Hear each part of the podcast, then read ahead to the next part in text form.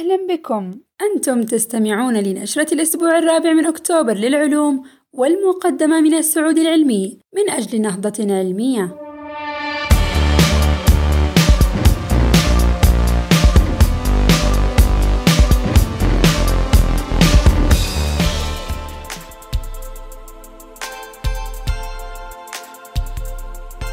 العلماء يدربون حاسوبا كميا للعثور على بوزون هيغز تمكن فريق من علماء الفيزياء من تحليل كميات كبيرة من البيانات من تجربة تصادم الجسيمات.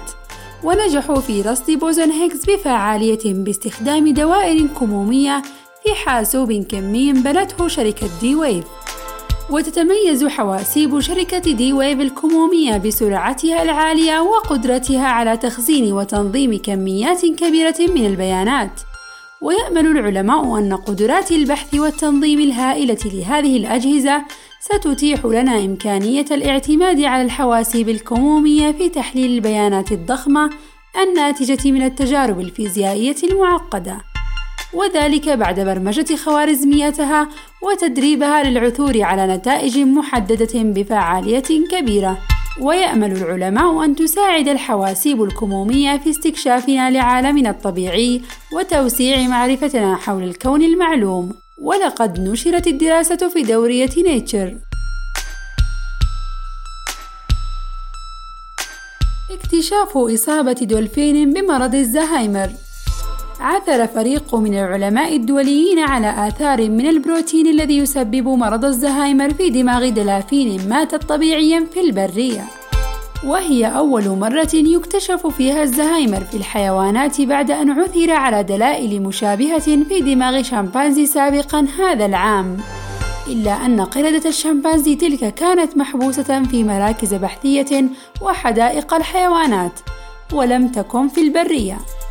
وعلى الرغم من أن الطريقة التي يؤثر فيها هذا المرض على الدلافين ليست واضحة بعد، إلا أن العلماء يأملون أن يساعدهم هذا في فهم طريقة تطور الزهايمر في دماغ البشر، ومن ثم إيجاد علاج له.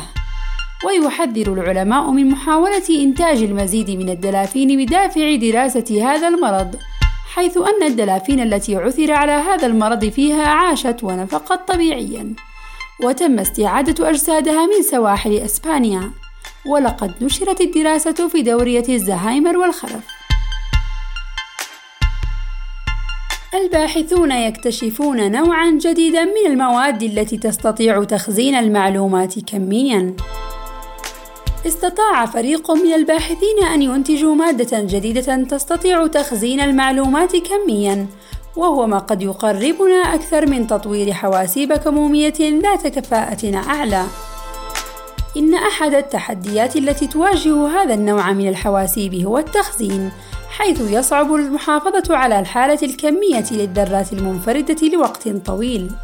لكن هذه المادة الجديدة المكونة من النحاس والأيريديوم والأكسجين قد تملك التركيب الهندسي اللازم لهذه العملية، حيث أن لها ترتيبًا يشبه خلية النحل، ما يساهم في استمرار العزم المغزلي للإلكترونات لتشكل ما يعرف بسائل الغاز الكمي، وبالتالي يمنعها من التجمد والتحول لمغناطيس حتى لو وصلت درجة حرارتها للصفر المطلق.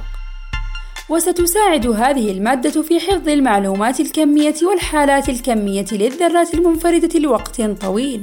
كما تسمح بظهور بعض الخصائص الغريبة مثل التشابك الكمي ما يعني أنها تمهد الطريق للمزيد من التطوير في تقنيات الحواسيب الكمومية. العلماء يكتشفون قدرة البكتيريا على الإحساس. اكتشف علماء من جامعة باسل في سويسرا قدرة البكتيريا على الإحساس بالأماكن حولها. حيث تبين أن هذه المخلوقات الصغيرة قادرة على تمييز الأسطح من حولها والاستجابة لها، وذلك بجانب قدرتها على الاستجابة للإشارات الكيميائية من البيئة. يستفيد البشر من حاسة الشعور لديهم لتجنب الخطر، ولكن البكتيريا تستخدم هذه الخاصية لتحديد نوع السطح الذي تمسه ولتستعد لمهاجمة الخلية أو استعمارها. وهو ما يحصل في بداية تلامس البكتيريا مع أي سطح قابل لنشر العدوى فيه. وتوصل الباحثون لهذا الاكتشاف عبر دراسة نوع غير مؤذن من البكتيريا حيث وجدوا أن المحرك الجزيئي الذي يحرك صوت البكتيريا سيتوقف عندما تلامس السطح وأن البكتيريا ستبدأ بإنتاج وفرز بروتين للالتصاق بالسطح الذي لامسته للتو ويمكن لهذه الدراسة أن تساعدنا في فهم طريقة عمل البكتيريا الخطرة أيضًا ودراسة الأمراض المعدية. ولقد نشرت الدراسة في دورية ساينس.